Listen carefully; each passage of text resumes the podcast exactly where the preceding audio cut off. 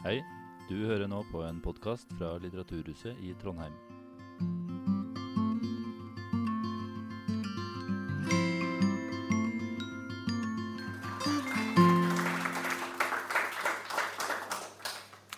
Ja, velkommen til eh, Litteraturhuset i Trondheim.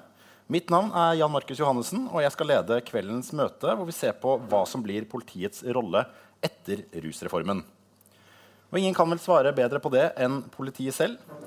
I panelet sitter derfor Arve Nordtvedt, politistasjonssjef ved Trondheim sentrum politistasjon, og Bård Dyrdal, politioverbetjent i Oslo, og her i dag som styreleder i Leap Scandinavia. En organisasjon for politifolk og justisansatte som støtter avkriminalisering eh, og reduserte straffetiltak ved bruk av narkotika. Dette møtet er et samarbeid mellom Litteraturhuset i Trondheim, Foreningen for human narkotikapolitikk Trøndelag og Foreningen for tryggere ruspolitikk Trøndelag. Så kommer vi til bakgrunn for kveldens diskusjon. Med den kommende rusreformen, som etter planen skal vedtas på Stortinget i 2021, skal ansvaret for samfunnets reaksjon på bruk og besittelse av illegale rusmidler til egen bruk overføres fra justissektoren til helsetjenesten. Rusreformutvalget, som har utredet hvordan reformen skal se ut i praksis, har foreslått at de som, skal, som tas med rusmidler til eget bruk, ikke lenger skal straffes, men skal få tilbud om hjelp, behandling og oppfølging. Forslaget har fått blandet mottakelse. På den ene siden finnes det en, be, finnes en bekymring for at politiet ikke lenger får verktøyene de trenger for å forebygge bruk av illegale rusmidler. Flere mener også at trussel om straff i seg selv forebygger bruk. På den andre siden hører vi at bruk av illegale rusmidler ikke bør være politiets oppgave, men helsevesenets, og at rettslig straff gjør mer skade enn det forhindrer. Salg av illegale rusmidler vil uansett uh, bli forbudt etter reformen, og reaksjonen overfor de som blir tatt for salg, forblir slik den er i dag. Så da kan jeg bare ønske velkommen Arve Nordtvedt. Takk for det. Uh, Bård Dyrdal. Takk.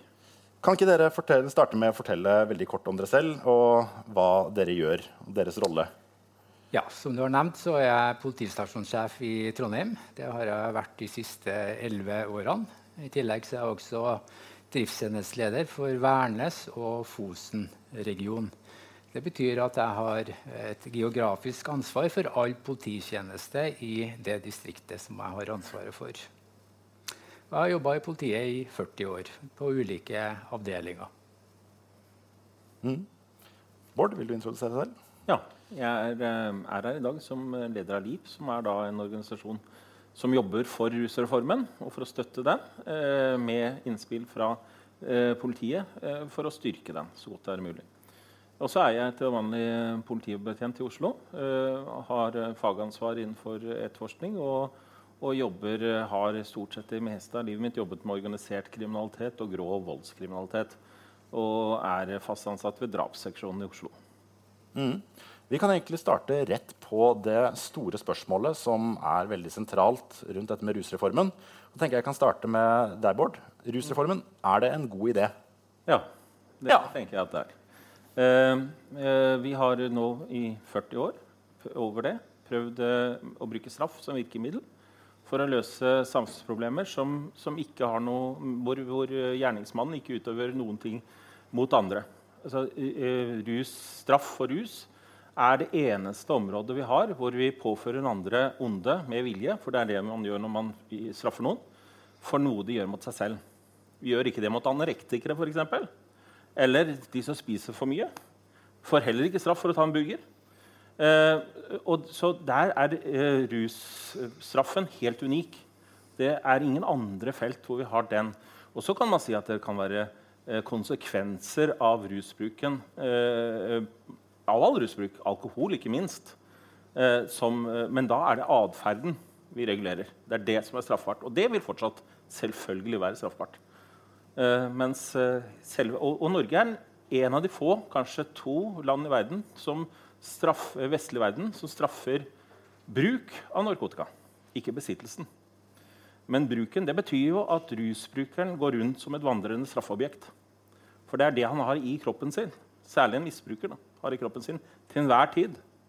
Så en misbruker kan jeg i prinsippet gjøre det jeg vil med uh, rent strafferettslig til enhver tid. I prinsippet.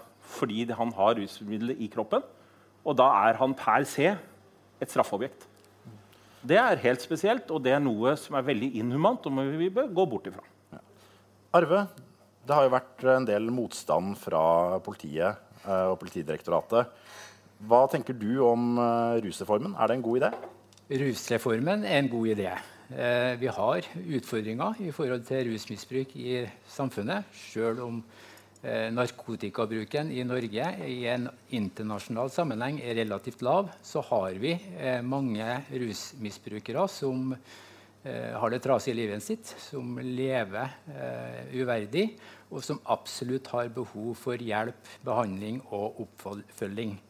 Så en rusreform som har som formål å hjelpe rusavhengige til å få et bedre liv, til å gi dem behandling og oppfølging, det støtter jeg. Men jeg er skeptisk til at en avkriminalisering bidrar til å løse det problemet. Jeg mener at det ikke er noe motstrid mellom en sanksjon og et hjelpetiltak. Når man kombinerer sanksjoner med hjelpetiltak, så har vi veldig gode erfaringer, ikke minst i forhold til det forebyggende arbeidet vårt blant barn og unge, eh, som gir gode resultater. Så jeg mener at det er absolutt på høy tid med en rusreform, men at det er mulig å gjennomføre den eh, innenfor dagens systemer, hvor man f.eks.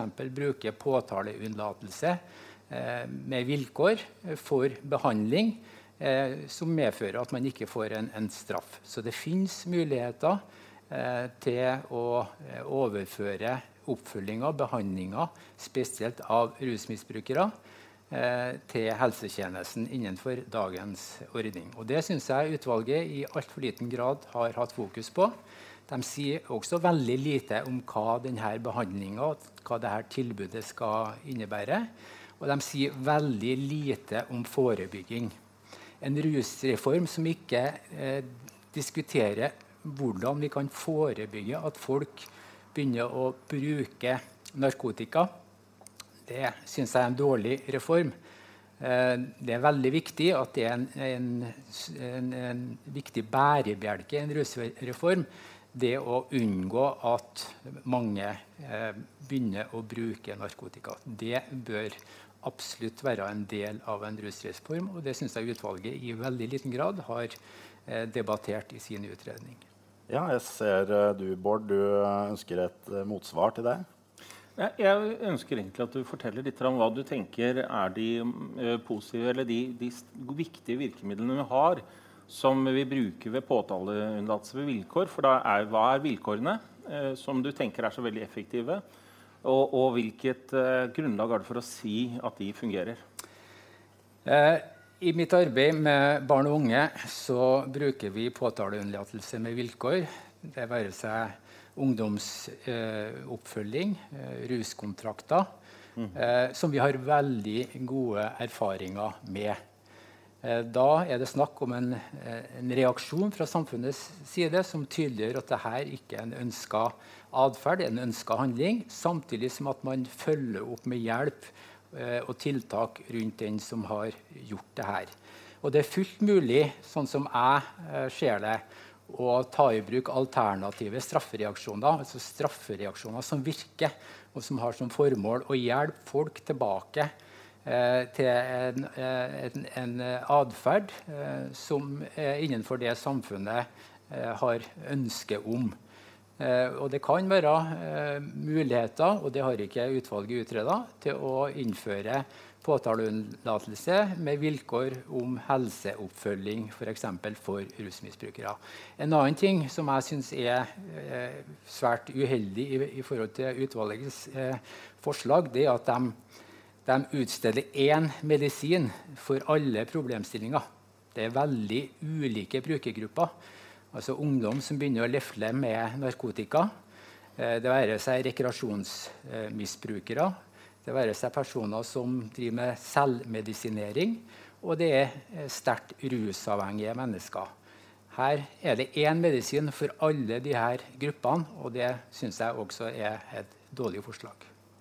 Ja, Bård, hva tenker du om det? Ja, nei, Det var ruskontrakten jeg regnet med, med han skulle nevne. Mm. For, eh, for, vi har da uh, hatt mennesker som har undersøkt det.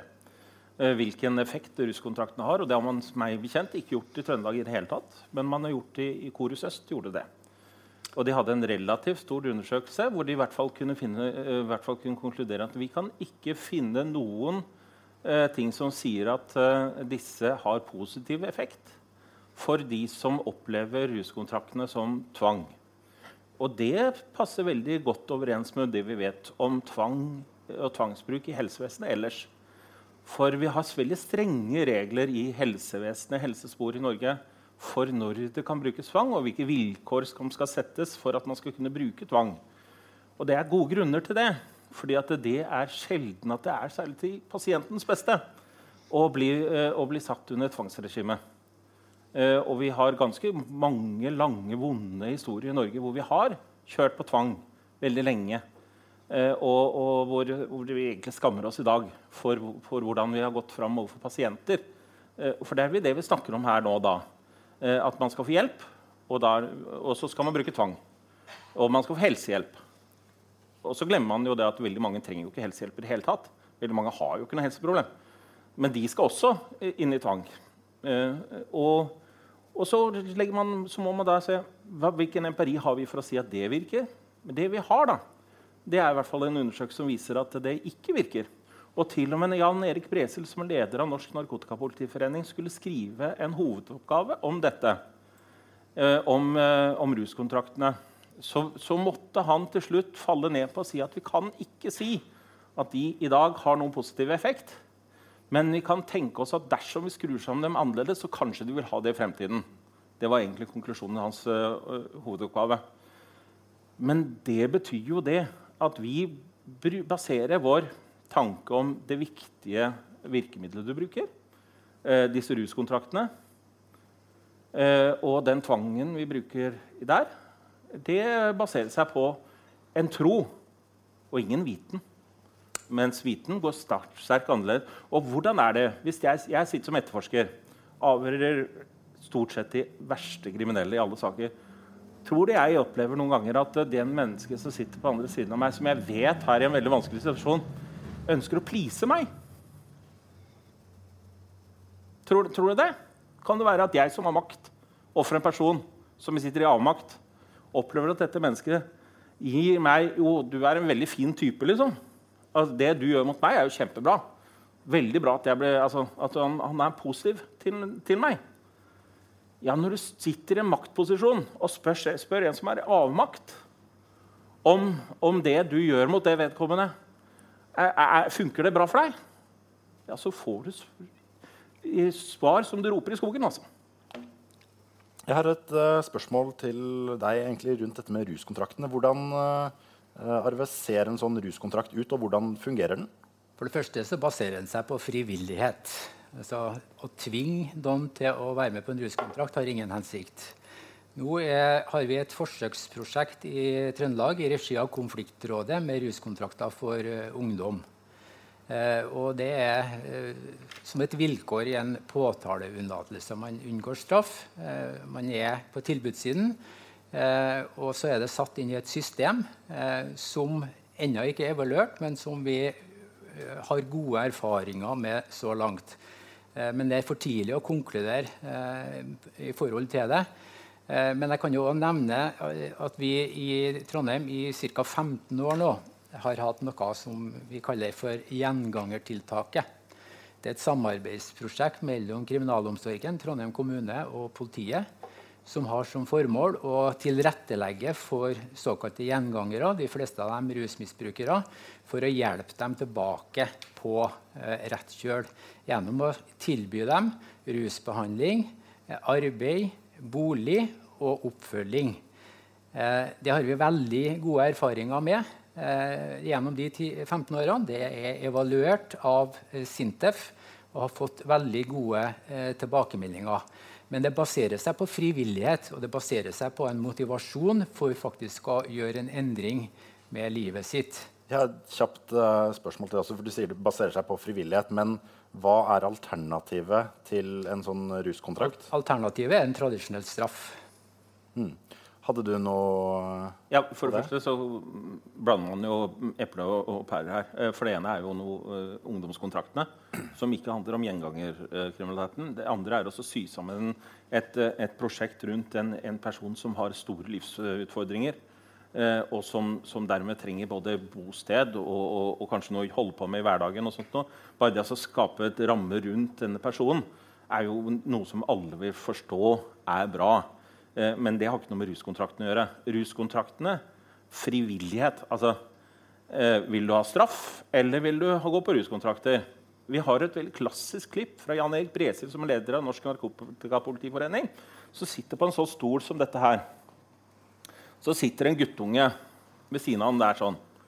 Og så, så selger han inn ruskontraktene. Og så sier han noe sånt som at eh, ja, du, du aksepterer og godkjenner at vi er villige til å ta ruskontrakter? er det ikke det? Nei, altså, jeg, jeg, er ikke noe veldig opptatt Nei, det har jeg ikke noe særlig. Ja, ja, Mener du at foreldrene skal, skal måtte betale denne bota di på 10 000 kroner? Da? Er, det det du, er det det du vil? Eller, eller, vil du ha denne, eller går du med på denne ruskontrakten? her? Ja, ja, ja, ja, jo, når du sier det på den måten, jeg går jo med på det. Det er på video. Det, bare, eh, det ble tatt opp av TV 2 når de fulgte dem. Det er ikke noe frivillighet i det. Og det er et maktforhold mellom de to menneskene som er helt groteskt. Så, så hvis du bare må ha litt psykologikunnskap i bakgrunnen, så skjønner du at det der er helt, helt galt. Uh, men hvis det er frivillighet, ja vel. Jeg, den type frivillighet er ikke jeg for. Jeg kjenner meg ikke igjen i den beskrivelsen. For det første så bøtelegger vi ikke ungdom i Trøndelag under 18 år. Det er ikke en egnet straff i forhold til læring og endring. Så bøtelegging av ungdommer under 18 år det forefinnes ikke i Trøndelag. Eh, Hva slags straff er det? Nei, Det er i stor grad konfliktrådsbehandling. Det er påtaleunnlatelser på vilkår, det er ungdomsoppfølging og det er ungdomsstraff. Hvis du sier nei til ungdomsoppfølgingen, hva slags reaksjon er det da? Nei, Det kan være ulike reaksjoner. Da. Men bøtelegging vi, vi, gjør ikke, det er ikke egnet i forhold til læring og endring å bøtelegge en gutt på 17 år. Nei, men Da er vi i hvert fall helt enige om det. Ja. Men det, det, har i hvert fall vært praksis i Oslo. Men jeg bare lurer på hva som er straff. Hva er det straff, lurer jeg på. Hva, hva er straff er det da? Hvis det ikke er bøtelegging, hva, hva, er det som er straffevilkåret her? Det kan jo være forskjellige ting. da. Eh, F.eks. samfunnsstraff. her da, At du må bidra eh, med å gjøre noe eh, for samfunnet som du har påført en skade. Eh, du får samfunnstjeneste, altså du må jobbe 20 timer for å stå til rette på et vis. Det er en straff. Men skjønner du, du er da enig i at det er ikke frivillighet da? Skal du ha 20 timer og stå klokka syv om morgenen for å gå på jobb? eller skal du ta den ruskontrakten? Det er ikke frivillig da. Det er ikke, det er ikke sånn at det er Du har et valg. Du har et valg. Ja, du ja. har et valg mellom to onder. Vi skal ta det litt vekk fra ruskontraktene og ungdomskontraktene og til et litt mer tenkt scenario. La oss si nå at jeg blir uh, Jeg som ikke har noen uh, rusavhengighet, eller sånt, men jeg blir stoppet av politiet med to gram kokain på meg. blir stoppet med det. Hva vil være eh, konsekvensene av det i dag? Arve? Det vil være en bøtelegging. Hmm. Er det hvilken, eh, omtrent hvilket område snakker vi da? Er det en eh, kroner? Eller? Det vil være avhengig av eh, bl.a. inntekta di. Så det er ikke en eh, standard eh, bøtesats. Det er individuelt tilpassa ut ifra den økonomiske situasjonen til den enkelte. Mm. Og uh, til deg, Bård. Hvis den rusreformen slik den er innstilt av Rusreformutvalget, blir vedtatt politisk, hvordan vil konsekvensene for meg i den samme situasjonen, to gram kokain stoppet av politiet, hva vil skje da? Først vil jeg si at uh, Konsekvensene når du blir tatt, er langt mer enn bøtelegging. Du blir ransaket. Det blir ransaket hjemme hos deg. Det blir ransaket i bilen din. Politiet vil ta telefonen din.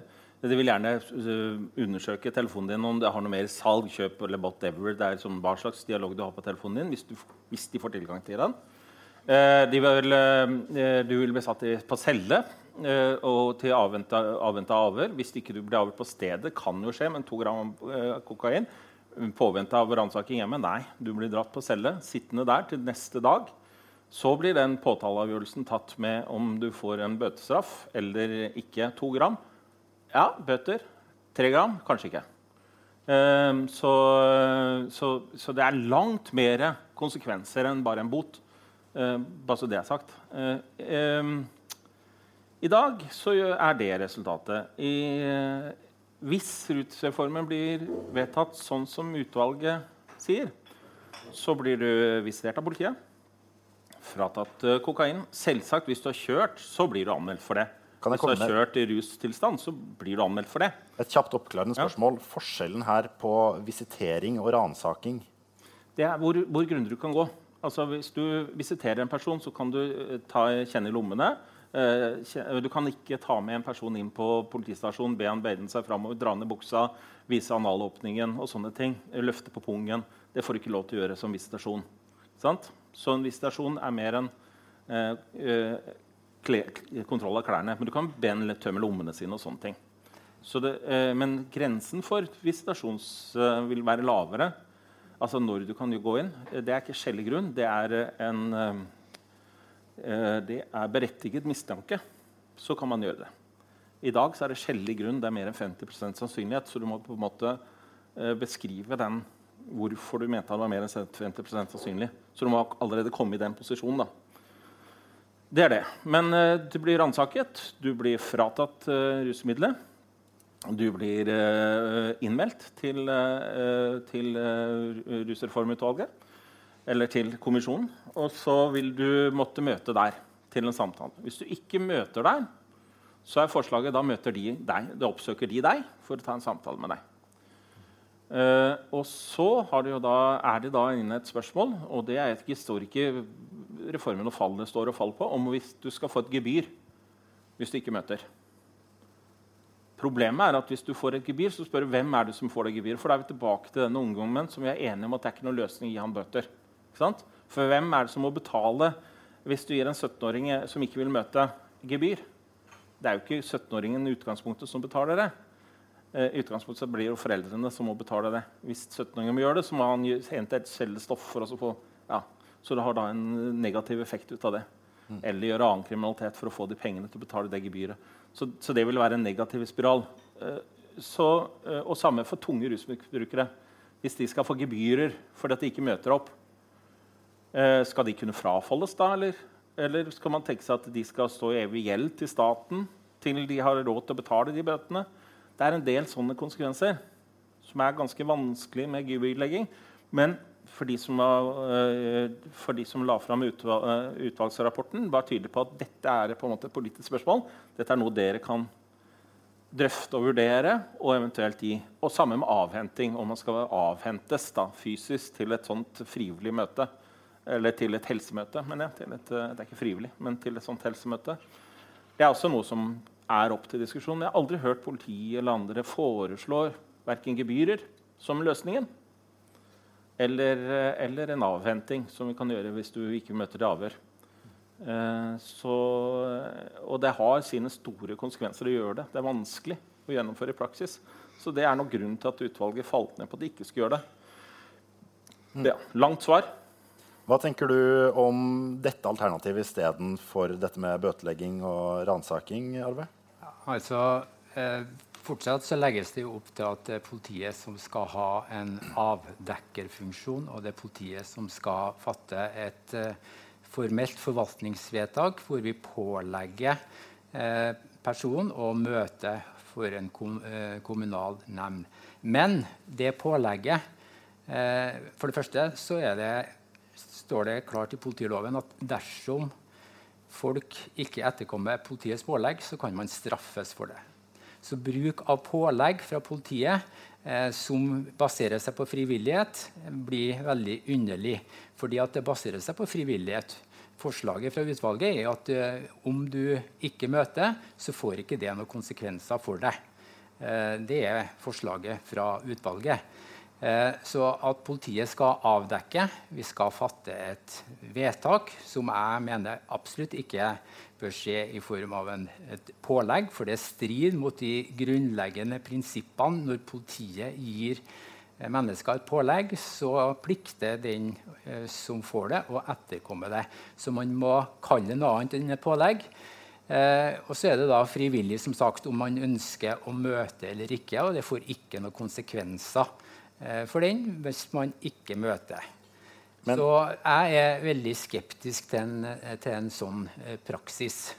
Men dette alternativet med istedenfor bøter, eh, så høres det ut som du er, du er skeptisk til dette med eh, valgfriheten til å møte etter et pålegg fra politiet. Men hva med en sånn løsning uh, istedenfor en bot? Å få et obligatorisk da, møte med helsetjenesten? Prinsipielt er jeg skeptisk til en avkriminalisering eh, av bruk, erverv og besittelse av narkotika. Eh, og det har sin sammenheng med at jeg tror at det gir noen signaler ut i samfunnet om at bruk av narkotika ikke er så farlig.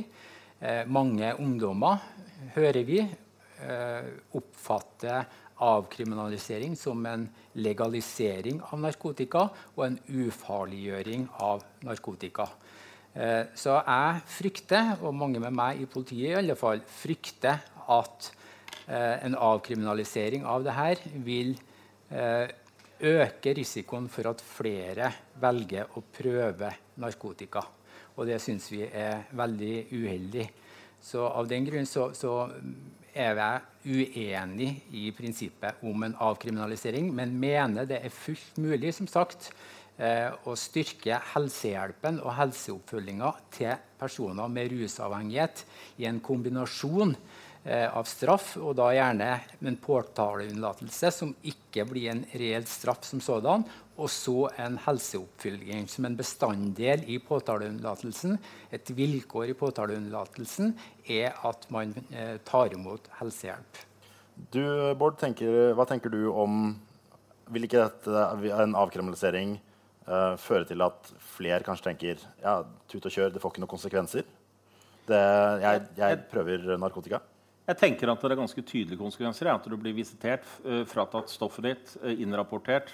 Uh, og så kan man spørre Den, den møteinnkallingen er ikke, på, er ikke, politiets vedtak. Det er et vedtak det er tenkt å være et vedtak som, som, er et helsevedtak om at du skal møte for oss, men det er vi formidler det. Nei, det er politiet som skal pålegge, fatte et forvaltningsmessig vedtak som ja, er, er, bygd på forvaltningsmessige prinsipper som kan påklages. Ja. Det er utvalgets forslag. Det er, det er ikke, sånn, det er ikke sånn, jeg leser, sånn, jeg leser, det. Men uansett, det, ikke, det kunne man teknisk ha gjort ganske kort uh, endring på hvis det var det som var problemet. Mm. Men uh, poenget mitt er at uh, jeg, vi foreslo i sin tid altså når vi hadde hørings... LIP, ja. altså høringssvaret vårt til, eh, til rusreformutvalget, til, til, eh, rapporten, var at vi, hva er årsaken til at vi skal gjøre forskjell på, på ungdom under 18 år, avhengig av hvilke typer rusmidler de bruker? For i utgangspunktet har ikke de mulighet til å erverve seg noe som helst rusmidler lovlig. Eh, verken alkohol, tobakk eller noe annet. Så da tenkte vi at dette kan vi jo innføre likt for alle som er under 18. At det er samme vilkårene som gjelder. Og det ville løst en del andre ting for oss også, som gjelder det at vi egentlig ikke kan beslaglegge alkoholen som disse ungdommene har på seg. Eh, eh når, de, eh, når, de, drikker når de er mindreårige. Så det du tenker da er en, en skjerping av eh, reaksjonene på det som for de over 18 er lovlige rusmidler, eh, og en en sidestilling. da. Ja, eller de, vi, de, fleste av oss vil mene at de under 18 ikke har lov til å drikke alkohol. ikke sant? Uh, men det er på en måte ikke uttalt uh, sånn. Og de fleste av oss mener at uh, det å røyke når du er under 18, det er ikke heller lov. Du har ikke lov til å skaffe deg det heller. Men, men til nå så har ingen i politiet eller andre som jeg har snakket med dette om, syntes at det var en god idé. For de syns at det er en sånn voldsom innskjerping straffeskjerping for denne gruppen, at det er ikke rimelig. Og det er vel et signal om hvor streng straffen eller reaksjonen er for den andre gruppen som får disse reaksjonene, når denne gruppen som kunne ha fått dem, ikke bør ha dem. Ja. Et spørsmål uh, rundt dette hele det politiske og politiets rolle er jo også hva, hvordan uh, denne reformen, hvis altså Nå skal det hele tiden nevnes her at dette er ikke en vedtatt reform, men hvis denne reformen blir vedtatt i en uh, fasong ikke så ulik det rusreformutvalget har innstilt på, hvordan tror dere dette vil påvirke politiets ressursbruk? Eh, altså, politiets samfunnsoppdrag eh, er å forebygge kriminalitet. Eh, forhindre at det skjer kriminalitet. Eh, avdekke kriminalitet. Iretteføre kriminalitet. Det er politiets samfunnsoppdrag, som har blitt stadig mer spissa de siste årene. Spisset hvordan da? Mot eh, prioriterte områder. Eh, det er en erkjennelse at politiet ikke har kapasitet til å klare å eh, nå over alt like godt. Derfor så blir innsatsen vår spissa mot de mest alvorlige forholdene. Eh, hvis man leser politiets samfunnsmandat gjennom politiloven, eh, så handler det om å forebygge kriminalitet avdekke kriminalitet og iretteføre kriminalitet. Når man avkriminaliserer bruk og besittelse av narkotika, så ser ikke jeg at samfunnsoppdraget vårt per nå favner den biten. Og jeg tror at det eh, arbeidet vil bli nedprioritert. Jeg frykter at politiets innsats for å avdekke bruk og besittelse av narkotika blir nedprioritert som en følge av en avkriminalisering. Og Det er òg veldig betenkelig, for da klarer vi ikke å avdekke et tidlig intervensjon, som er veldig viktig, spesielt opp mot unge mennesker. Så det er viktig å avdekke et, et, misbruk tidlig for å sette inn tiltak. Og hvis man ikke klarer å avdekke det her, eh, så eh, er det lettere at det utvikler seg enda mer negativt, og kanskje flere Eh, opplever et rusproblem og en rusavhengighet. Hvorfor vil ikke eh, rusbruk og bruk av illegale, ris, eh, illegale rusmidler prioriteres hvis det avkriminaliseres? Nei, altså Når politiets samfunnsoppdrag er å forebygge og avdekke kriminalitet, og det, og det her er, er avkriminalisert, så ser ikke jeg at det dekkes innenfor dagens eh, samfunnsoppdrag Å bruke mye ressurser på noe som ikke er straffbart. Så jeg frykter at politiets innsats eh, vil eh, bli da nedprioritert eh, opp imot dette eh, området.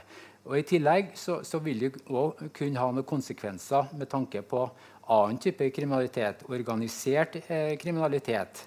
Eh, bakmenn, salg eh, hvor dagens ordning gir oss en god mulighet til å følge spor bakover for å finne bakmennene. Og bakmennene eh, er et viktig eh, målgruppe å få tatt. Og nå er det jo slik med, med, narkotikaomsetning som det er med annen omsetning av varer. Det er markedsregulert. Det handler om etterspørsel, og det handler om tilbud. Eh, og hvis det blir økt etterspørsel etter narkotika som følge av at det blir avkriminalisert, og flere har lyst til å prøve det, velger å prøve det, så eh, er det med på å øke forekomsten av eh, organisert kriminalitet fordi at det ligger masse penger i det her. Og det vil sannsynligvis ligge enda mer penger i det dersom etterspørselen blir større enn den er i dag. Mm. Bård, hva tenker du om Vil du svare på noe først? Ja, ja, jeg tror jeg det er to viktige punkt vi snakker ja. om her. For det første så tror jeg vi er enige om det at jeg tror politiet vil bruke mindre ressurser på det. Eh, nå tenker jeg det kan være en bra ting, eh, og jeg skal komme tilbake til hvorfor det. Eh, kan, eller vi kan begynne med der. Ja, er du ikke redd for, for, for, for, for hva vet vi? unge mennesker som bruker alkohol. Unge mennesker som, som sniffer lim unge mennesker som sniffer bensin. Uh, dette er ikke ulovlig. Dette er lov. Altså, det, er straff, det, vil, det vil ikke være ulovlig. etter eh, dagen. Så vi, vi, har ingen virkemidler overfor dem, vi. Men vi, eh, I den forstand. Men, men bruker vi tid på dem? Ja. Vi bruker mye mer tid på dem enn vi bruker på noe annet. Ikke sant? Men vi, vi, er ikke veldig opptatt av at vi må ha de virkemidlene som du syns er så viktig for, for, uh, for, disse som røyker hasj. da. Som er et mye mindre farlig rusmiddel enn alle de andre som jeg nevnte, som er lovlige. Så, uh, så jeg, jeg, skjønner ikke helt den problematikken der. Hvis det ikke er viktig for den ene gruppen som bruker de farligste rusmidlene, hvorfor er det da så veldig viktig for de som bruker de som er litt mindre farlige? Det, det, det kan begynne der. Ja, eh, Nå blander du jo ganske mye her. da. Du snakka om epler og pærer. Det tror jeg det holder, så det holder i denne sammenhengen. da. Eh, nå, nå, er det jo slik også, da, at eh, politiet eh, bruker langt mindre ressurser på eh, narkotikaproblematikk i dag enn vi gjorde tidligere. Narkotika er ikke en av de prioriterte eh, områdene for politiet i dag. Når du sier eh, narkotikaproblematikk, mener du da også salg og bakmenn, eller bruk og besittelse? Det, det som i dag er prioritert eh, av politisk eh, hold, det er eh, seksuelle overgrep eh, og vold mot barn og unge og andre sårbare grupper. Det er arbeidslivskriminalitet. Eh, det er ungdomskriminalitet. Eh, og det er eh, utlendinger uten lovlig opphold. Det er de prioriterte saksfeltene. Når det gjelder narkotikakriminalitet, så jobber vi selvsagt mot den organiserte biten. Så jobber vi opp imot barn og unge, som vi mener det er viktig å avdekke et eventuelt misbruk for en tidlig intervensjon, for et nært og godt samarbeid med, med hjelpetjenestene i forhold til å få dem tilbake. Og så jobber vi med, med såkalte rekreasjonsmisbruk. Eh, vi jobber eh, overhodet ikke mer eller mindre med eh, de tunge rusmisbrukerne. Der er det for lengst innsett fra politiets side at å straffe dem har ingen effekt i forhold til å hjelpe dem med sine rusproblemer. Så vi har fokus på bakmenn, organisert kriminalitet, barn og unge og eh, rekreasjonsbrukere og misbrukere. Ja, Bård? Nei, jeg, jeg, er veldig uenig i at jeg snakker om eple og pære. For hvis det vi snakket om, var viktigheten av å avdekke rusbruk blant de mindreårige sant? Det var det vi snakka om. Og så, så, sier jeg at Hva er det som gjør at uh, hasjbruken er så veldig mye viktigere å avdekke hvis det er på en måte problemene de kan komme opp i senere pga. rusbruken? Noe som ca. 10 eh, av de som, som, bruker det. Litt høyere prosent for alkohol enn for hasj, men ja, uh, ca. 10 kommer oppi. Så hvis det er avdekkingen som er viktig i forebyggende for, eh, hensyn, så er det jo ikke så veldig viktig hvilket rusmiddel dere bruker. er det det? Eh, eh, hvis det er for å beskytte dem mot problemer pga. rusbruken, da er det, vel, er, er det, vel, selve rusbruken vi ønsker å avdekke da. Ikke sant? Så jeg syns ikke det er eple og pære. Jeg syns det er to the point. Og da kan du ikke bare hoppe over det poenget. Vi ønsker å avdekke rusbruken uansett hvilken type rus ungdommene bruker. Vi ønsker å hjelpe dem tilbake. Vi ønsker å hjelpe dem til å slutte opp med det her. Men det er ingen som vil ha disse virkemidlene for alkohol? er det da? Nei, men... Hvorfor trenger vi ikke den der? Men vi trenger farsen. Eh, nå er det noe slik da, at Alkohol er et legalt rusmiddel i Norge. Det er mulig å skaffe seg for en 17-åring legalt. Men likevel så er det et legalt rusmiddel. Eh, narkotika er illegalt.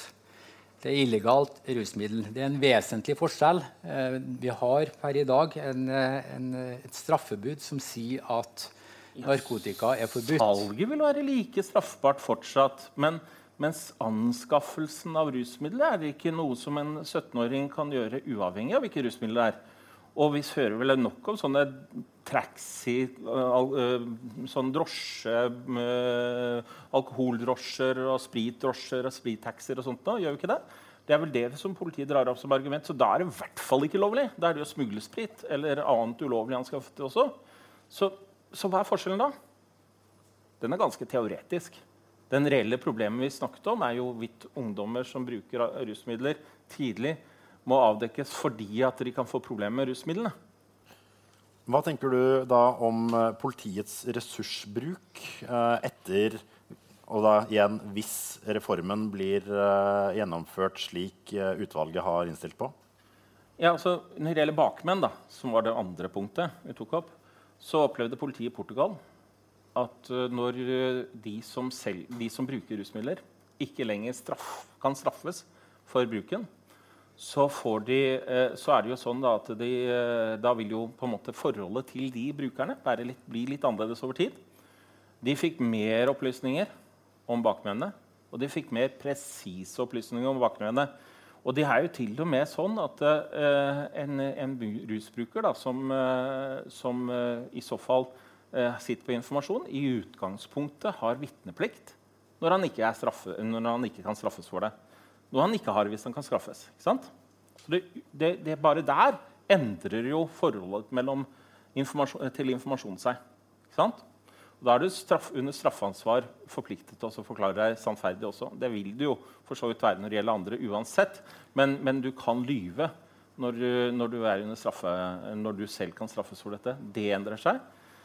Men det, det viktigste er at eh, de erfaringene de gjorde, var at de fikk mer informasjon. De fikk mer presis informasjon. Og så er det aldri vært sånn at det er effektivt å etterforske seg bakover fra en bruker til en hovedmann. Vi kan fortsatt ha en hovedmann i bakhodet og, og ha tredjemannsransaking hos brukere hvis vi ønsker denne informasjonen for å avdekke det i forhold til hovedmann. Men vi vet hvem hovedmannen er på forhånd. Da er det etterforskning mot han som begrunner ransakene mot de andre. Det kan vi fortsatt holde på med. Vi, men det er veldig lite effektivt. Og det kommer av det enkle prinsippet at hvis vi skal opptre sånn, så må vi være farligere enn hovedmannen for den personen som skal forklare seg. Og det, Sånn kan ikke politiet holde på. Det har vi gjort i mange år og prøvd å være. Uropatruljen i Oslo var en sånn avdeling som levde av det. Å opptre som om de var de farligste i gata. Og det skaper en situasjon hvor, uh, hvor uh, det blir en eskalering av en konflikt. Hvor, sterke, hvor, vi er på en måte de som står som garantister for survival of the fittest. Og i denne sammenheng, hvem er det som er survival of the fittest da? Jo, det er det farligste. Sånn, så vi må være forsiktige med hvordan vi griper inn i dette markedet. her. Hvem vi tar ut, og når vi tar dem ut. Eh, fordi vi på den måten underfra opp får informasjon om de som er minst farlige. Og det er de vi kan ta ut. Da sitter vi igjen med det farligste. Hva tenker du om det, Arve? Nei, Jeg syns det blir veldig hypotetisk eh, når du viser til Portugal-modellen, og at de har erfaring med at eh, politiet faktisk fikk mer informasjon. Og bedre. Eh, det har jeg veldig vondt for å tro. Eh, okay. Eh, at folk som vi eventuelt avdekker med bruk og besittelse, sånn pga. at de ikke eh, vil bli straffa, at de vil gi informasjon om hvem de har kjøpt det av. Det har jeg ingen, ingen tro på. Men tror du ikke eh, forholdet vårt til de brukerne blir litt annerledes? Når du ikke kommer med straffeøksa over dem, men, men, men det er på en måte tilbud om hjelp til Tror du ikke for relasjonene til mellom Blir ikke den skjevheten vi har, utjevnet noe?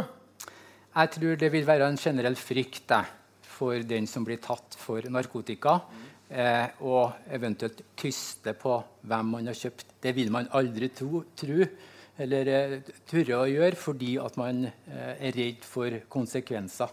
Så det har jeg ingen, ingen tro på. Eh, åpent i en straffesak? Ja. Men er det slik at politiet får informasjon om bakmenn andre veier? Politiet får informasjon om bakmenn på mange måter. Ja. Men det å etterforske organisert kriminalitet og finne eh, toppen av pyramiden er veldig ressurskrevende. Ja, nettopp. Men da kan vi ikke begynne nedenfra. Nei, men, men, det er veldig ressurskrevende. Vi har veldig gode erfaringer, ikke minst når det gjelder salg til ungdommer. Så har vi erfaring med gjennom dagens ordning, hvor vi avdekker at ungdommer bruker narkotika, så klarer vi faktisk å spore tilbake eh, og finne ut hvem som eventuelt har solgt til disse ungdommene gjennom de mulighetene straffeprosessen gir oss til ransaking og beslag. Og er det noe som er viktig for oss, så er det i hvert fall å klare å stoppe stoppe salg av narkotika til ungdommene våre. Og det er en unik mulighet vi har i, med dagens ordning, hvor det er eh, straffbart, og hvor vi kan bruke straffeprosessen eh, som hjemmelsgrunnlag for å etterforske. Hvis vi mister den muligheten, så vil vi også miste muligheten til å avdekke eh, hvem som har solgt det her. Og jeg har ingen tro på at ungdommene vil fortelle oss at eh, de kjøpte av NN. Det tør de ikke. Eh, av frykt for konsekvensene det vil få for, for, dem. Vi sliter allerede i dag med at ungdommer i liten grad vil anmelde kriminalitet. Det er ikke inn blant ungdom å anmelde kriminalitet fordi at man får stempel som tyster. Eh, vi sliter med å ta, få dem til å, til å forklare seg om, om, ting, også når de har blitt utsatt for til dels eh, grov vold. Så dette er en utfordring for oss. Og jeg tror ikke at en avkriminalisering av bruk og besittelse av narkotika vil løse de utfordringene. Vi skal snart gå til pause, men du skal få, skal få en liten, kort avsluttende kommentar begge hvis dere ønsker det. Så Bård? Ja. Eh, når det gjelder dette, for det første når det gjelder, eh, Hvis man skal ta ut bånd av pyramiden, for det er det vi snakker om, og selge de som, de som selger til ungdommene, så finnes det tusenvis av andre som vil fylle det rommet. Så det rommet er utømmelig i det, i det sjiktet av markedet. Vi har prøvd det. Jeg har gode eksempler på det, hvor vi har prøvd å ta ut nederste del av markedet. Og, og det, er, det, er, ikke en effektiv måte å bekjempe noe som helst på. Uh, for det andre, Når det gjelder dette med informasjon, så er det én ting av den informasjonen som gis åpent i en straffesak i form av et vitneforklaring osv. Noe effekt kan det kanskje, men jeg skal dempe den. Eh, men mens det er jo en helt annen eh, form for informasjonsflyt vi har når det gjelder Vi har gode relasjoner til mennesker. Og så får vi informasjon fordi vi har gode relasjoner til mennesker. Og de syns også at ting er, eh, noen ting er for galt og noen ting er urettferdig, og noen ting er uriktig. Og så får vi den informasjonen. Og det er ikke ting som nødvendig slår tilbake på dem. Det, det, har vi lang erfaring for, og det er sånn vi får den typen informasjon. Siste kjapt uh, kommentar fra deg, Arve, hvis du ønsker det. Jeg støtter en rusreform som gir uh, en bedre oppfølging til rusmisbrukere. Der er alternativet ikke straff, men det er hjelp, behandling og oppfølging.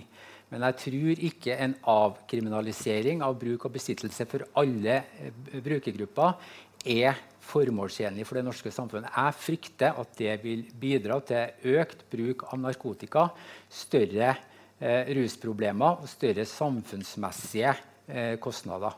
Det er muligheter til å kombinere sanksjoner og hjelp. Eh, det er ikke noe motstridende element. Jeg har tro på det eh, som det beste virkemidlet. Da ja, da er vi tilbake igjen her på Litteraturhuset. Jeg heter Jan Markus. Med meg så har jeg Arve Nordtvedt og Bård Dyrdal. Vi skal nå åpne for spørsmål fra publikum. Vi gjør det rett og slett så enkelt som at uh, hvis du har spørsmål, så rekker du opp hånda, uh, sier det, og så vil jeg gjenta det over anlegget, sånn at alle også hører det klart og tydelig. Så da er det egentlig åpning for uh, spørsmål fra publikum.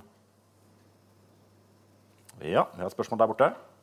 Ja, eh, Jonas heter jeg. Jeg er jo eh, ungdomsarbeider. Så jeg er jo i likhet med stasjonssjefen veldig eh, bekymra for eh, hva rusbruk kan gjøre med sårbare ungdommer. Eh, spørsmålet mitt går egentlig på eh, dette med avdekking, for det er jo veldig viktig eh, å avdekke. Men sånn som lovverket er i dag, ja, så føler jeg at vi begrenser oss til det politiet klarer å avdekke. Eh, og eh, for å si det sånn, det er langt fra alle som blir tatt.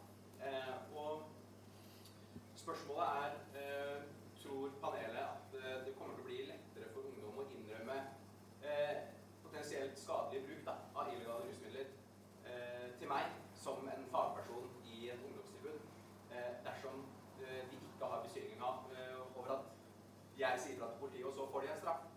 Eh, det er eh, noe jeg lurer på om panelet har noen tanker Ja, så slik jeg forstår det da, så er spørsmålet fra en ungdomsarbeider som lurer på om eh, en avkriminalisering vil gjøre det lett om de tror eh, panelet vil gjøre at en avkriminalisering vil gjøre det lettere for ungdom med rusproblemer å si ifra til en ungdomsarbeider når de ikke frykter en rettslig straff? Tja, det er et vanskelig spørsmål. Uh, jeg ser ikke noe automatikk i at uh, man, med mindre man har behov for hjelp, ønske om hjelp, så er jeg veldig skeptisk til at man vil fortelle at man bruker narkotika, sjøl om det ikke medfører noen straffesanksjon. Uh, nå har du jo heller ikke som uh, ungdomsarbeider noe som helst meldeplikt til politiet i forhold til bruk av narkotika. Så, så, det er jeg noe usikker på om ungdommene frykter at du eh, forteller videre hvis du blir kjent med det. Jeg, jeg, jeg, har vondt for å tro at det vil endre noe særlig på det. Med mindre ungdommen eh, er ute etter hjelp, erkjenner at man har et problem og søker hjelp. Men det er mulig i dag òg. Bård? Jeg tenker det vil uh, innby til større åpenhet over tid. Altså det, er, det, er, ikke noe quick fix. Det er ikke sånn at da, fra dag én så vil det være sånn at det, ja, men nå kan jeg bare prate om alt. Eh, men det vil være mindre stigma. Det vil være mindre på en måte moralisering overfor de som bruker dette. etter, etter hvert. Det er sånne ting som egentlig politiet er redd for. Eh, at man skal få mindre stigmatisering av disse gruppene. For det er jo det som egentlig ligger i denne forebyggende effekten av straffen. Uh, uh, og, men den positive siden av det da, det er det som Helsedirektoratet påpeker, at det er mulig at vi kan få en økt bruk. Vi kan ikke, vi kan ikke, kan ikke underslå at det er en mulighet. Mens den positive effekten over tid, ved at det vil være større mulighet for åpenhet om egen rusbruk Og inkludert er ikke bare rusmisbruk, men egen rusbruk, uten å bli møtt med den fordømmelsen som man ble møtt i dag den, det er en, eh, en, forventet effekt, og det er en effekt man så veldig tydelig i Portugal. Mm. Da uh, er det mulig for uh, flere spørsmål. Ja.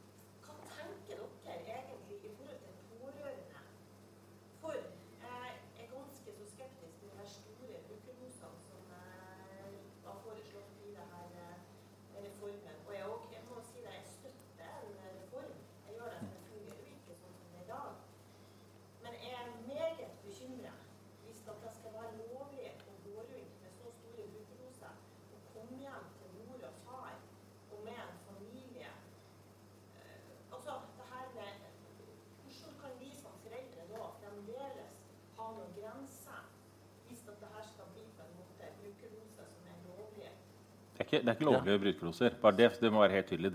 Enhver brukerdose er ulovlig. Så enhver, enhver som blir tatt med dette, blir fratatt det. Ja, så du får, får ikke det igjen. Så, så du, du, blir beslaglagt, eh, beslaglagt, på stedet, ransaket, eller visitert, heter det da. Og så, og så blir du innrapportert. Så, så det, det, vil ikke endre seg. Så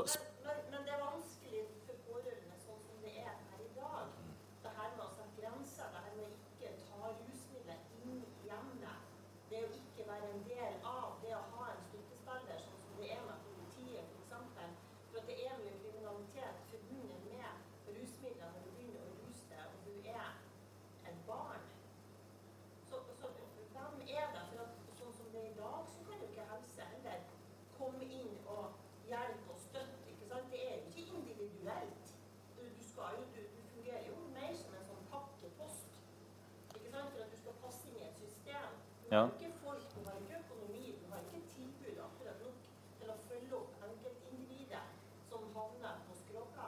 Nei. Og denne reformen er ingen helsereform i den forstand at, skal, eh, at, at det er, i denne reformen ligger store forandringer i, eh, i, det helsetilbudet som blir gitt. Det har den aldri vært ment å være heller. Så, men, men, det er det definitivt behov for. Å gå inn og se på hva slags støtte er det du kan få. Men jeg synes det er flott, altså det vil uansett være når, når, det går over i kriminalitet, når rusen blir så omfattende del av menneskers liv at, at, det blir på en måte den som tar kontrollen over livet ditt, så blir kriminaliteten en del av det. Og, og da vil det være politi inne i bildet. Og, og, og, det at du opplever at politiet er de tilstedeværende, det er flott, og sånn skal det fortsatt være. Bare akkurat den biten av det som handler om at han går på rus, det vil eh, i utgangspunktet ikke være noe som er politiets eh, ansvar for å følge opp, utover at vi tar fra han den rusmidlene når vi har mulighet til det. Så slik jeg skjønner spørsmålet, kort oppsummert, så er det hvilken rolle vil politiet og andre apparater eh, rundt ha hvis det blir en avkriminalisering? Og hvordan skal man forholde seg til eh, politiet da, med å sette grenser for eh, den det gjelder?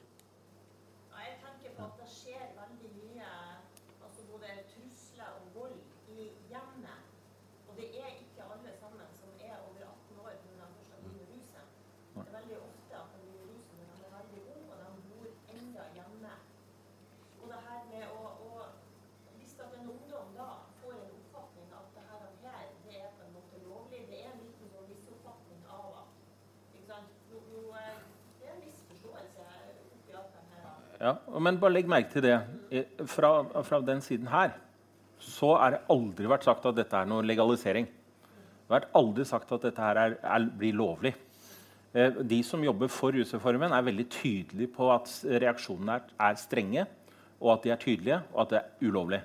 De som snakker om at det er nesten som om alt er lovlig, de sitter et annet sted.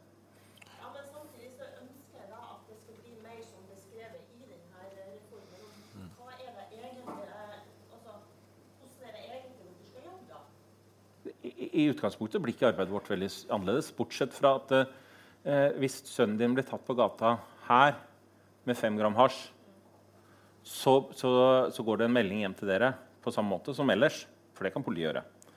Eh, om at han har gjort det, med mindre det er gode grunner. Altså hjemmet, så Det fins jo hjem som er sånn at hvis du sier fra til mor og far, så veit du at han blir banka gul og blå det er ikke bra å sende den beskjeden hjem. Jeg hadde en, en ungdom jeg vokste, vokste, opp med en som død, er død nå, som hadde det sånn. Jeg trodde den gangen at problemet fra rus til helvete var fra hasj til helvete.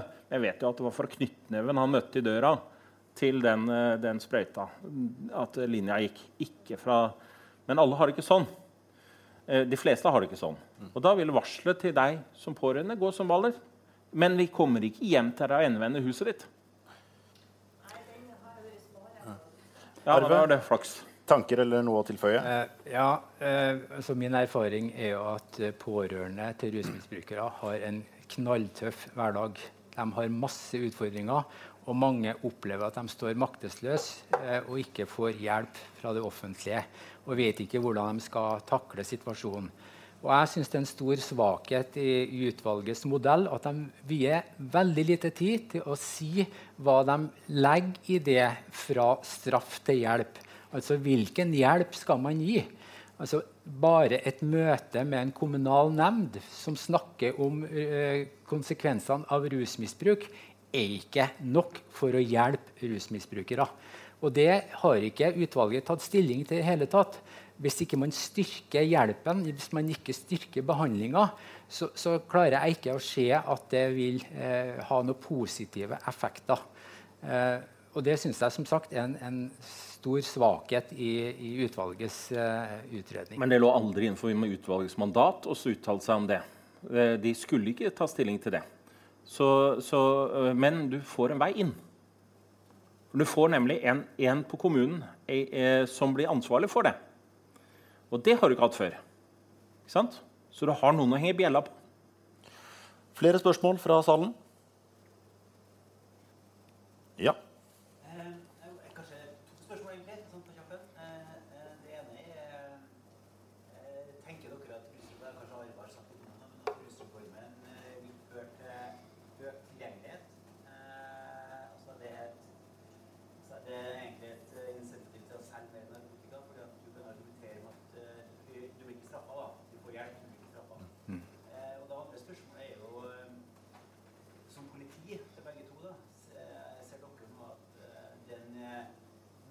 for politiet å gi fra seg ressurser til kommuner som skal jobbe med det her? Så at vi får i utgangspunktet mindre arbeidsoppgaver? Da har vi to eh, spørsmål. Det ene er vil eh, denne reformen, slik den er innstilt på, eh, føre til økt tilgjengelighet på narkotika? Jeg forstått det rett? Og eh, også er politiet eventuelt villig til å gi fra seg ressurser til kommunen og helsetilbud som en erstatning for en sånn førstelinjes eh, kontakt med de som bruker illegale rusmidler? Eh, I forhold til tilgjengeligheten så er det et, et viktig spørsmål som vi ikke har snakka noe om. Eh, altså det er relativt, eller ikke relativt, det er veldig store grenseverdier som du var inne på, i forhold til hva som eh, skal være straffefri i forhold til besittelse. Vi snakker om 15 gram hasj, vi snakker om 5 gram heroin. Jeg tror at også dem som selger narkotika, vil tilpasse seg de her grenseverdiene. Eh, altså De kan gå med eh, denne mengden eh, narkotika på seg og drive salg. Vi klarer ikke å ta dem for salg, sannsynligvis. Vi vil klare å ta fra dem eh, og eh, sende en melding til, til den kommunale eh, nemnda. Så jeg tror at det vil bli eh, lettere for dem som også selger narkotika, eh, å opptre eh, eh, mer eh, synlig eh, og være mer tilgjengelig eh, for, for oppsetting. Bård, første spørsmål først. Tror du at reformen slik den er framstilt, vil gi større tilgjengelighet av narkotika? Eh, Det er jo en av de, arbeid, det, det, en av de tingene som Rusreformutvalget har brukt over 200 sider på å beskrive. Og prøve å gå inn i all empiri rundt hva er det som kan skje. Eh, Er det sannsynlig, eller er det mindre sannsynlig? Og De finner ingen grunnlag for å kunne konkludere med at det er sannsynlig med økt bruk, men de ser ikke bort fra det. På samme måte man ikke kan se bort fra at det kan bli mindre, redusert brukt. eh, Forbuden frukt smaker best osv. Mens, eh, så, så man kan ikke si noe sikkert om fremtiden når man gjør endringer. Det kan man ikke. Man kan si noe sikkert om nåtiden, og så kan man si noe, noe, predikere noe ut fra det. Men de har i hvert fall gjort masse arbeid rundt det. Og når det gjelder mengden, så vil det alltid være slik at de som selger, de tilpasser seg de mengdene som, eh, som til enhver tid betyr at du får mer straff. Eh, Størrelsen på disse dosene er jo satt så, sånn fordi at de er tilpasset de som er misbrukere. De som er tunge misbrukere. En tung misbruker av heroin, for det er jo lettest å ta det den veien der, vil ha et forbruk per dag på inntil 2,5 gram. Så det er to dagers forbruk. Det at vedkommende må, ikke må oppsøke dealeren sin hver eneste dag, men de må gjøre annenhver dag, det er, det er ikke bare ulempe med det. Og at han kan kjøpe fem gram istedenfor å måtte uh, kutte ned dette til, til kvartinger eller halvgram hver gang. Oppsøke dealeren sin tre ganger om dagen. uh, det er heller ikke bare negativt, både fordi at prisen blir halvparten, og fordi at eh, man får mindre eh, reell kontakt med det kriminelle, som er det selgermiljøet. ikke sant? Så, så det er ikke Jeg sier ikke at de eh, grensene er, akkurat skal være sånn eller sånn, men det er en gode argumenter for det er satt sånn som det er gjort også. Og det er nok satt sånn ut fra de som vil være de tunge brukerne. Eh, og det som er bakgrunnen for det. Men poenget ditt var blir det mer tilgjengelighet? Vi vet ikke helt. Vi vet ikke om det blir mindre tilgjengelighet heller.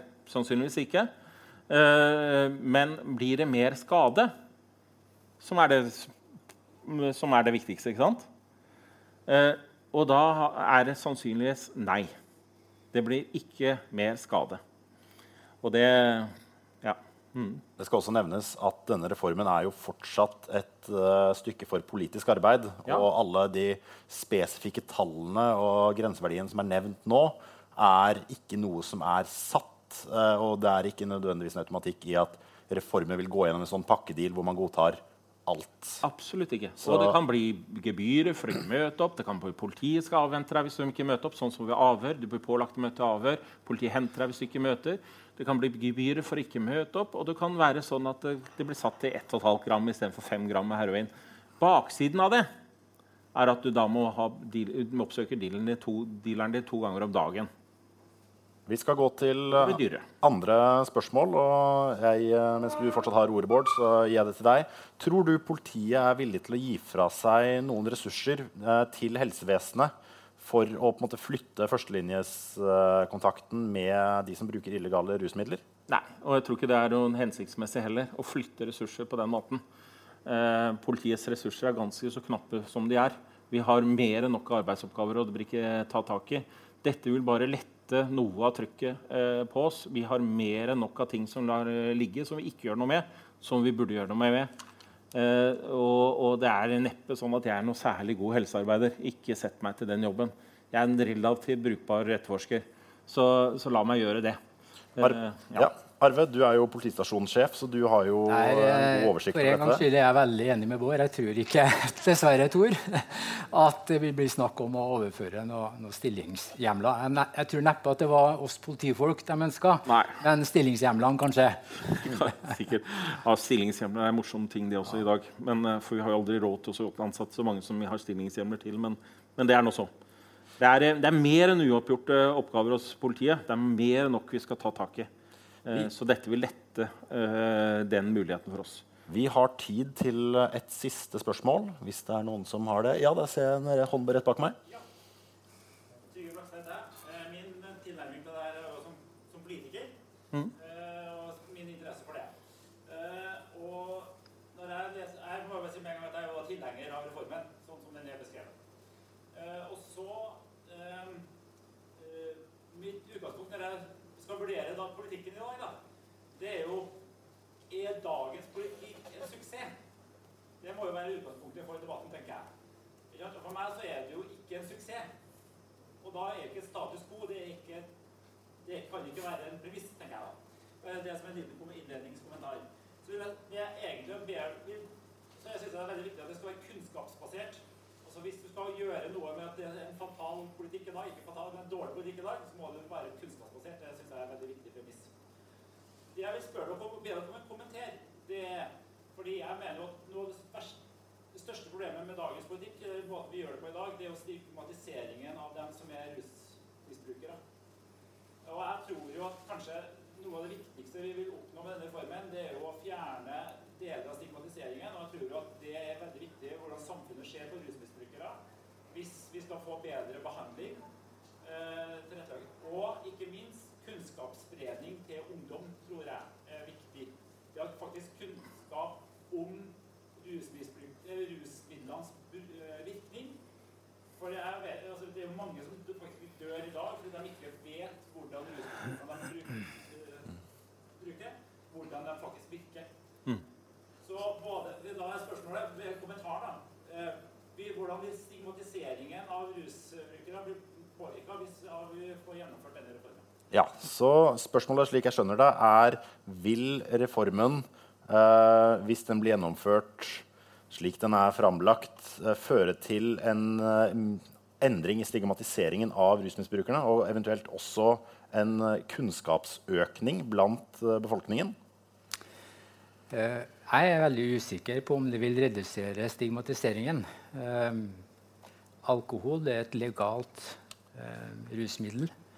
Men fortsatt så er en alkoholiker ganske stigmatisert.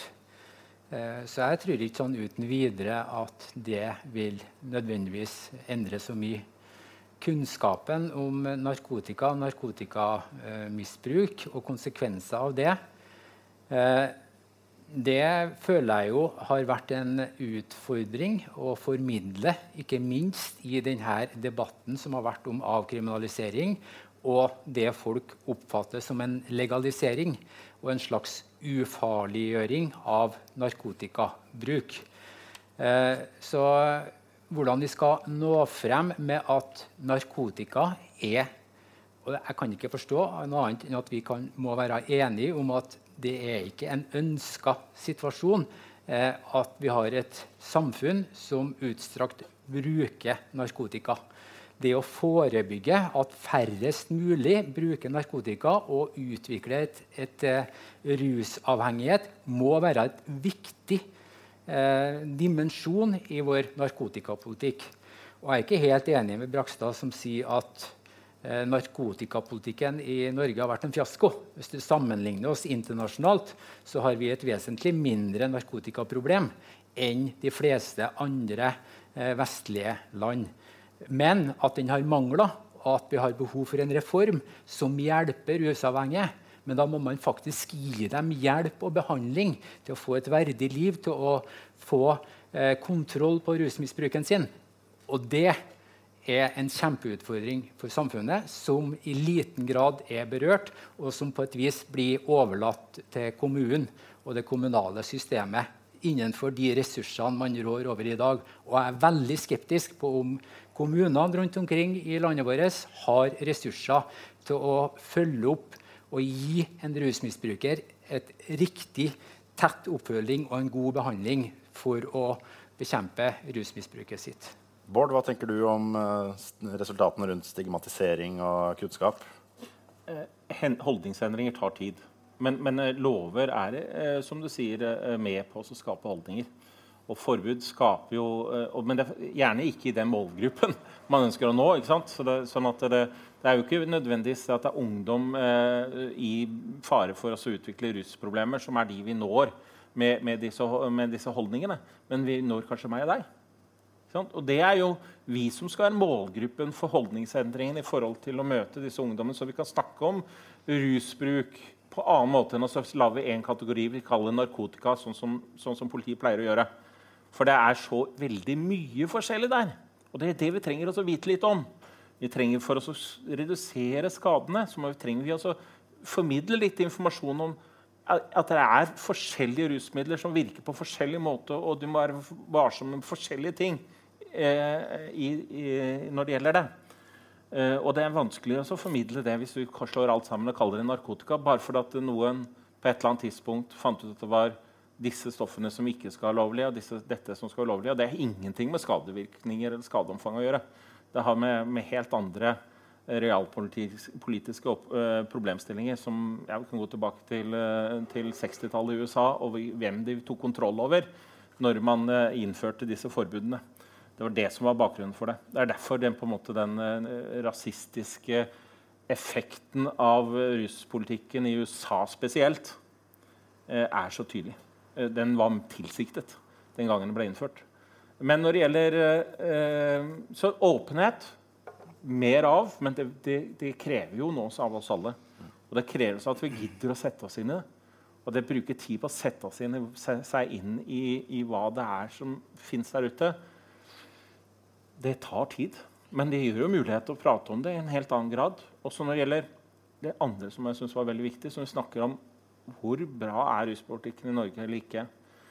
Eneste, og Det eneste argumentet vi møter når det gjelder noe som tilnærmet ligner på empiri eller kunnskapsbasert tilnærming fra politiets side, eh, fra kollegene mine sin side, er, er at man viser til ESPAD-undersøkelsen. ESPAD-undersøkelsen er en spørreundersøkelse blant 15-åringer og 16-åringer som går ni, i 10. klasse på, på, i norsk skole hvor man spør dem om, om deres rusbruk. Eh, og så kan man eh, da Ja vel, det er en stor undersøkelse, så den er viktig. Men, men hvor presis den er, kan man stille spørsmål ved. Og eh, I tillegg så er det jo sånn at 15-16-åringer i Norge de går i 10. klasse. I de fleste andre europeiske land så går de på high school, på videregående.